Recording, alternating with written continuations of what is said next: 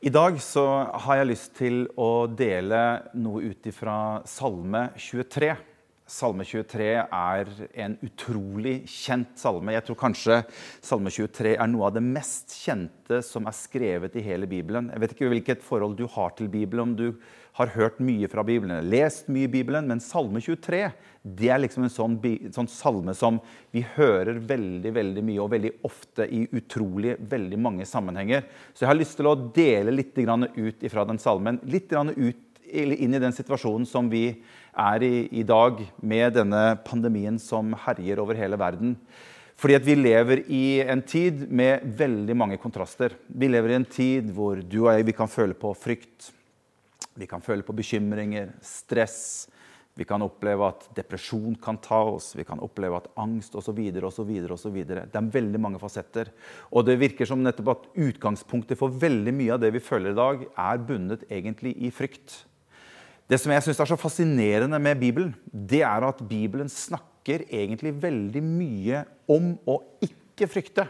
Det virker som at Bibelen er veldig interessert i at du og jeg, som har en relasjon med Gud, der er Bibelen veldig bevisst på at vi skal ikke frykte for noen ting. Faktisk så står det i Bibelen ca. 365 ganger i Bibelen at du ikke skal frykte. Og det er et ikke-frykt for hver eneste dag som vi har i året. Så Bibelen ønsker at du og jeg skal få lov til å oppleve også i den tiden her at det skal kunne gå an å oppleve at vi ikke skal frykte for noen ting. Og Jeg har lyst til å dele litt rundt det i dag.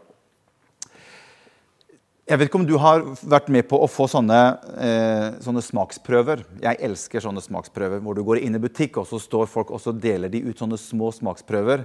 Og jeg har lyst til egentlig å ta denne Salme 23 og, og, og, dele den opp i sånne små smaksprøver. Så vi skal dele den opp, og så skal vi gå litt inn og dele den bit for bit. Og vi skal få lov til å smake på, kjenne på denne Salme 23. Det er David som skriver denne salmen. og Salme 23 handler jo egentlig om Jesus som hyrde. Eh, han, Jesus omtaler seg selv som den gode hyrde. Jeg tenker at hyrde eh, kan høres litt sånn, hva skal vi si, litt fjernt ut for oss. Fordi at vi, vi, er ikke så vant med, i hvert fall ikke i den delen av verden som, som vi bor, at eh, vi er så mye i kontakt med det som har med hyrde å gjøre. Så vi tenker kanskje at gjeter kunne vært eh, et ord. Det er noe det samme. Jeg, tenker, jeg, jeg kan ikke liksom lese at eh, Herren er min gjeter. For, for, meg så blir det, så jeg må, jeg må komme til å bruke ordet hyrde i det som vi skal, eh, vi skal dele i dag. Men tanken med ordet hyrde, det er jo egentlig at det er en som leder oss, en som passer på. En hyrde er jo en som har en flokk, og som passer på både flokken og leder flokken samtidig. Og Det er jo noe av det som ligger i på en måte tanke med dette med å være en hyrde. Og jeg tenker som så, Alle har vi en eller annen slags form for hyrde i livet vårt. Alle er vi avhengig av noe eller en form som leder oss i livet. Kommer helt an på kan hende at du tenker at ja, men jeg er min egen hyrde. Jeg leder meg selv. Og det er helt greit. Det er opp til oss alle sammen å finne ut av hvem som vil lede på hvilken måte. Men uansett så vil vi ha elementer i livet vårt som leder oss på en eller annen kurs eller en eller annen retning i livet vårt. Jeg har lyst til denne eh, søndagen her og så har jeg lyst til å si litt om David, som skriver denne fantastiske salmen og han har på en måte en profetisk tilsnitt i nettopp det med at det er Jesus Kristus som er denne hyrden som, som eh, David skriver om. I Johannes kapittel 10 og vers 11 der omtaler Jesus seg selv. Og han sier, 'Jeg er den gode hyrde'. Og Han sier at den gode hyrde han gir sitt liv for sauene. Nå har vi nettopp vært igjennom påske og vi har kommet ut fra påske og vi har snakket om dette med hvordan Jesus kom og ga sitt liv for alle, alle mennesker. Så når Jesus sier at 'jeg er den gode hyrde', så tenker jeg på en måte at Jesus han er egentlig litt på, på tilbudssiden. Så han annonserer seg selv og sier at hvis du kunne tenke deg å ha meg som hyrde i livet ditt, ja, så er jeg en god hyrde å ha i livet. David, når han skriver denne salmen her, så er jo David konge. David er hærfører. David er sjefen. David er en enormt mektig konge i Israel, og det har kanskje nesten ikke vært en lik konge som David. Enda i den posisjonen som David er, så skriver David denne salmen. Og det virker som at David han ønsker å proklamere, han ønsker å bekjenne ut for mennesker rundt seg hvem det er han har som sin hyrde. Og det er det vi skal dele litt om i dag. Så David han begynner denne salme 23, og så skal vi gå inn og skal vi se litt på. Så sier David noe fantastisk. Han sier, 'Herren er min hyrde'. Eller du kan si det på en annen måte. Han kan si, 'Herren er min hyrde'. Indirekte så sier David at 'Herren er min hyrde'. Hvem er din hyrde? Så David han proklamerer ut at 'jeg har en herre i mitt liv'. 'Jeg har en hyrde i mitt liv'. 'Jeg har invitert noe inn i livet mitt for å være hyrde'. Og så sier David videre 'Jeg mangler ingenting'. Og jeg tenker, hvordan kan, du, hvordan kan du si det at ikke du mangler noen ting? Jo, fordi at Herren er min hyrde. Dette her er ikke noe sånn klisjéaktig liturgi som David skriver for noe her. Nei, dette her er et løfte. Dette her er noe David opplever i fellesskap og i relasjon med Jesus Kristus eller med den gode hyrde. At når jeg har fått tatt han inn i mitt liv, når jeg har gjort han til hyrde i mitt liv, så mangler jeg ingenting. Dette er et løfte. Og Så går David videre, og så sier han det at han lar meg ligge i grønne enger. Eh, det ordet 'lar' som vi bruker på norsk, er egentlig litt sånn svakt ord. Fordi at eh, egentlig så er det ordet som står der, det er mye, mye sterkere. Det er mye mer relatert mot at han får meg til å ligge i grønne enger. Denne hyrden her, han får meg til å gjøre noe. Og så kan du tenke deg, ja, jeg ønsker ikke å ha noen hyrde som skal få meg til å gjøre noe som helst i det hele tatt. Det er helt ok, men da kan du ikke ha Jesus som din hyrde. For min hyrde, som er Jesus, han får meg til.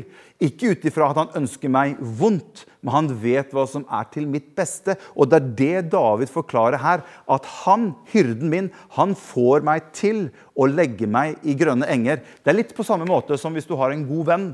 En som kjenner deg godt og som merker på deg at nå er du litt ute og sykler, nå er det ting i livet ditt som ikke er bra. En god venn han er den som kan komme inn i ditt og mitt liv og si vet du hva, nå er du nødt til å roe deg ned. Nå er du nødt til å gjøre noe med situasjonen du har kommet opp i. Nå er du nødt til å backe tilbake. Nå er du nødt til å sette deg ned. Nå må du slappe av litt. For hvis du fortsetter sånn som du gjør nå, så vil du få problemer et lite stykke fram. Det er det som ligger i dette når David sier at 'han lar meg ligge i grønne enger'. Fantastisk. Og så fortsetter David og så sier han 'han leder meg til hvilens vann'. Jeg trenger en som kan hjelpe meg og lede meg i livet. Han skriver videre og han fornyer min sjel. Og Det synes jeg er så fantastisk når David sier at denne hyrden her, det er ikke bare en på en måte som er til og fra, men han er egentlig interessert i hele meg som menneske. Han er den som kan være med å hjelpe min sjel. For hvis jeg har alt på utsiden, og David var en meget rik konge Og det er noe som står i skriften at om du vinner hele verden, men du går fortapt i din sjel, hva gjelder det? Hva spiller det for noen rolle? Så David her indikerer at denne hyrden som jeg har, selv om jeg har all rikdom, selv om jeg har alt mulig rundt meg, så finnes det en side ved denne hyrden. Det er at han fornyer det indre livet i meg. Han fornyer min sjel. Han har omsorg for hele meg. Han leder meg på rettferdighetsstier for sitt navns skyld. Og så fortsetter David, så sier han, selv om jeg må vandre igjennom dødsskyggens dal, så frykter jeg ikke for noe ondt. Så det David sier her, at det å ha en hyrde er ikke dermed sagt at ikke vi kan møte utfordringer og vanskeligheter i livet. Om vi er sammen, om vi har en relasjon til Gud, så er det ikke dermed sagt at det er et, et hva skal vi si, en, en total eh, bevis for at har jeg sagt ja til Gud, så vil jeg aldri oppleve vanskelige ting i livet mitt. Vi vil oppleve vanskelige ting. Mange opplever i dag vanskelige ting. Og David sier her at selv om jeg må vandre gjennom vanskelige tider, men så kommer David inn med noe og sier så frykter jeg ikke for noe vondt. Så uansett hva jeg møter på min vei Det vil komme noen daler, men han har sagt at han vil gå med meg når det er vanskelig. Og Så fortsetter David og sier han, for du er med meg. Din kjepp og din stav trøster meg. Det er litt merkelig her hvordan David plukker opp igjen når han er konge, sin hva skal vi si, forhistorie som gjeter. Han plukker opp i den, så sier han at hans kjepp og hans stav trøster meg. Eh, David var jo oppe i denne situasjonen her når Israel og filisterne var i krig med hverandre. Og Mange av dere som ser på, kan den historien om Goliat og David. Og Jeg har bare lyst til å trekke det fram litt opp imot det som David sier her. Min, hans kjepp og hans stav trøster meg. Israel er jo i krig med, med, med filisterne. Og filisterne de har denne kjempen som heter Goliat. Og denne Goliat han står på en måte i frontlinjen og roper ut til Israels folk. Og han sier at send en mann som tør å utfordre meg. Og hvis denne mannen vinner over meg i slag, mann mot mann, så er det Da vinner dere krigen. Altså Det er sånn som ABBA sang 'The winner takes it all'. Det er det vi står oppi. Dette er jo da Saul, som er konge i Israel, sin store utfordring. For han finner ikke noen mann. Han finner ingen som er i nærheten av å kunne møte denne svære kjempen ut på slagmarken. Så kommer David, denne unge gjetergutten, til Israels si, krigsleir. Han går helt i fronten. Han er jo der for å levere mat til brødrene sine. Og jeg, jeg bare elsker den derre atmosfæren som er rundt David når han kommer. Han har sikkert gått og sunget langs veien, og han har denne matpakka på ryggen som han skal levere til brødrene sine. Og han kommer inn i denne hva skal vi si, han kommer inn i denne krigsleiren hvor det er bare er masse frykt og uro. Og Han kommer inn med mat. Og vet du hva David sier når han kommer inn i denne leiren til hele denne gjengen? Han sier, 'Fred være med dere, gutter'. Det er liksom Davids holdning når han kommer inn i denne situasjonen hvor frykt er det som er det regjerende, si, den regjerende atmosfæren midt inn i leiren.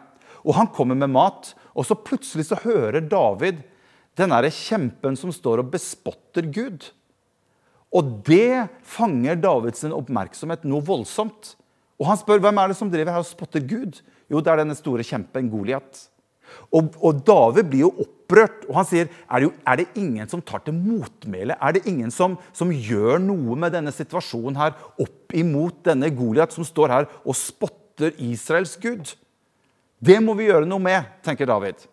Og David han melder seg jo frivillig. Og jeg er sikker på at det var mange av de gutta som måtte le litt av David. Ja, ja, lille gjetergutten vår, du eh, er jo ganske tøff og frimodig, men dette er nok litt for vanskelig for deg. Men David gir seg ikke. Og det er i denne situasjonen, når David skal på en måte overbevise de om at han kan gå til motmæle, han kan gå til motangrep mot denne Goliat, det er da David sier at 'jeg har vært gjeter'. Og jeg har slått både løve og bjørn mens jeg har passet på sauene mine. Og det er det David nå mange mange år etterpå, når han skriver dette, at din kjepp og din stav trøster meg. Hva ligger det i det? Jo, det ligger det at en god hyrde han både passer på meg og han leder meg. Og han, det er en trøst i at denne gode hyrde også har evne til å passe på meg mot mine fiender. Fantastisk. Og så sier David videre, du dekker bord for meg fremfor mine fiender. Og det er noe av det samme som ligger i dette her. Du dekker bord for meg framfor mine fiender. Om jeg går gjennom dødsskyggens dal, så frykter jeg ikke for noe vondt. Det ligger i hyrden at uansett hva du og jeg går igjennom, så er jeg med deg. Jeg dekker bord for deg like for dine fienders øyne. Og Bibelen sier hele tiden at om vi møter vanskelige ting, om vi møter utfordringer, så har han sagt frykt ikke. Frykt ikke. Frykt ikke, for jeg er med deg. Det er litt det samme som Nebukaneser. Mange av dere kjenner den historien med Shadrach, Meshach, Abonego, disse tre gutta som nektet å bøye seg for dette store gudebildet som Nebukaneser hadde laget i Babylon. Og de havner inni denne ildovnen. Gud var ikke sånn at han hindret dem å gå inn i ildovnen. Akkurat det samme med Daniel. Han havnet i løvehulen. Og gutta er inni denne ildovnen. Og Nebukadneser, som hadde kastet dem inn i denne ildovnen, han plutselig kikker han inn og så ser han Kastet ikke vi inn tre gutter? Jo, så sier vaktfolka. Ja, men jeg syns jeg ser at det er fire stykker der inne. Så når de blir kastet inn, så griper Gud inn, og han er sammen med dem i vanskelighetene. Han er sammen med dem i utfordringen. Du dekker bord for meg, like for mine fienders øyne. Og så fortsetter David med, så sier han, du salver mitt hode med olje, og mitt beger flyter over. Og jeg syns det er så bra at det står at mitt beger flyter over. For det er noe som er betegnende med denne gode hyrde. Det er at han er en som når du er sammen med han, så smitter han så mye. For det er det David sier rett etterpå. Så sier han sannelig bare godhet og miskunnhet skal etterjage meg alle mitt livs dager. Det er noe med at Hvis du og jeg som har en relasjon med Jesus og med Gud Hvis du tenker at ja, men jeg har bare nok med meg selv, da tenker jeg, da har vi vært for lite sammen med denne gode hyrden. For det er noe i hans natur som gjør at hvis vi er sammen med han og deler fellesskap med han og er i hans nærhet, så er det noe hos han som gjør at det smitter over på oss. Og Det er derfor David sier at 'mitt beger' det flyter over. Og du og jeg vi blir noe mer enn at vi bare har nok for oss selv. Vi kan bli til en velsignelse for andre mennesker. Og Det vil jeg bare si til alle dere som har Jesus i livet deres, som har en tro på Gud. Det er i disse tider at vi kan få lov til å la det begeret som vi har, få lov til å flyte over og være til hjelp og til velsignelse for mange mennesker rundt oss som trenger oss i denne tiden her. Og så avslutter David denne salmen med. Så sier han, og jeg skal bo i Herrens hus til evig tid. Og Det syns jeg er fantastisk, hvordan han avslutter den med salmen. At han har en forsikring om noe av det som vi har snakket om i påsken. At denne gode hyrden han kom og ga sitt liv for sine sauer. Og så sier David, på grunn av at jeg har valgt denne hyrden inn i mitt liv, pga. at jeg har tatt et standpunkt for Jesus inn i mitt liv, så vet jeg at jeg skal bo i Herrens hus til evig tid. Og det har jeg lyst til å si til deg. Hvis du sitter og ser på eller du hører på, og du ikke har tatt en beslutning, og du ikke har tatt en beslutning om å invitere denne hyrden inn i livet ditt, så er denne hyrden han er en faktisk som står og banker på hjertedøren vår. Han er en som ønsker å være den gode hyrde i ditt liv. Og Jeg vil bare anbefale ham på det sterkeste. Jeg har vært sammen med han hele livet. Og jeg kjenner han ganske godt, og jeg ønsker bare å bli bedre kjent med han. Han er en velsignelse, han er en trygghet inn, og han er en fred inn i livet mitt. Han er den gode hyrde, og han ønsker å slippe til også i ditt liv. Så hvis ikke du har sagt et ja til Jesus, så har du lov til og mulighet til å gjøre det akkurat nå.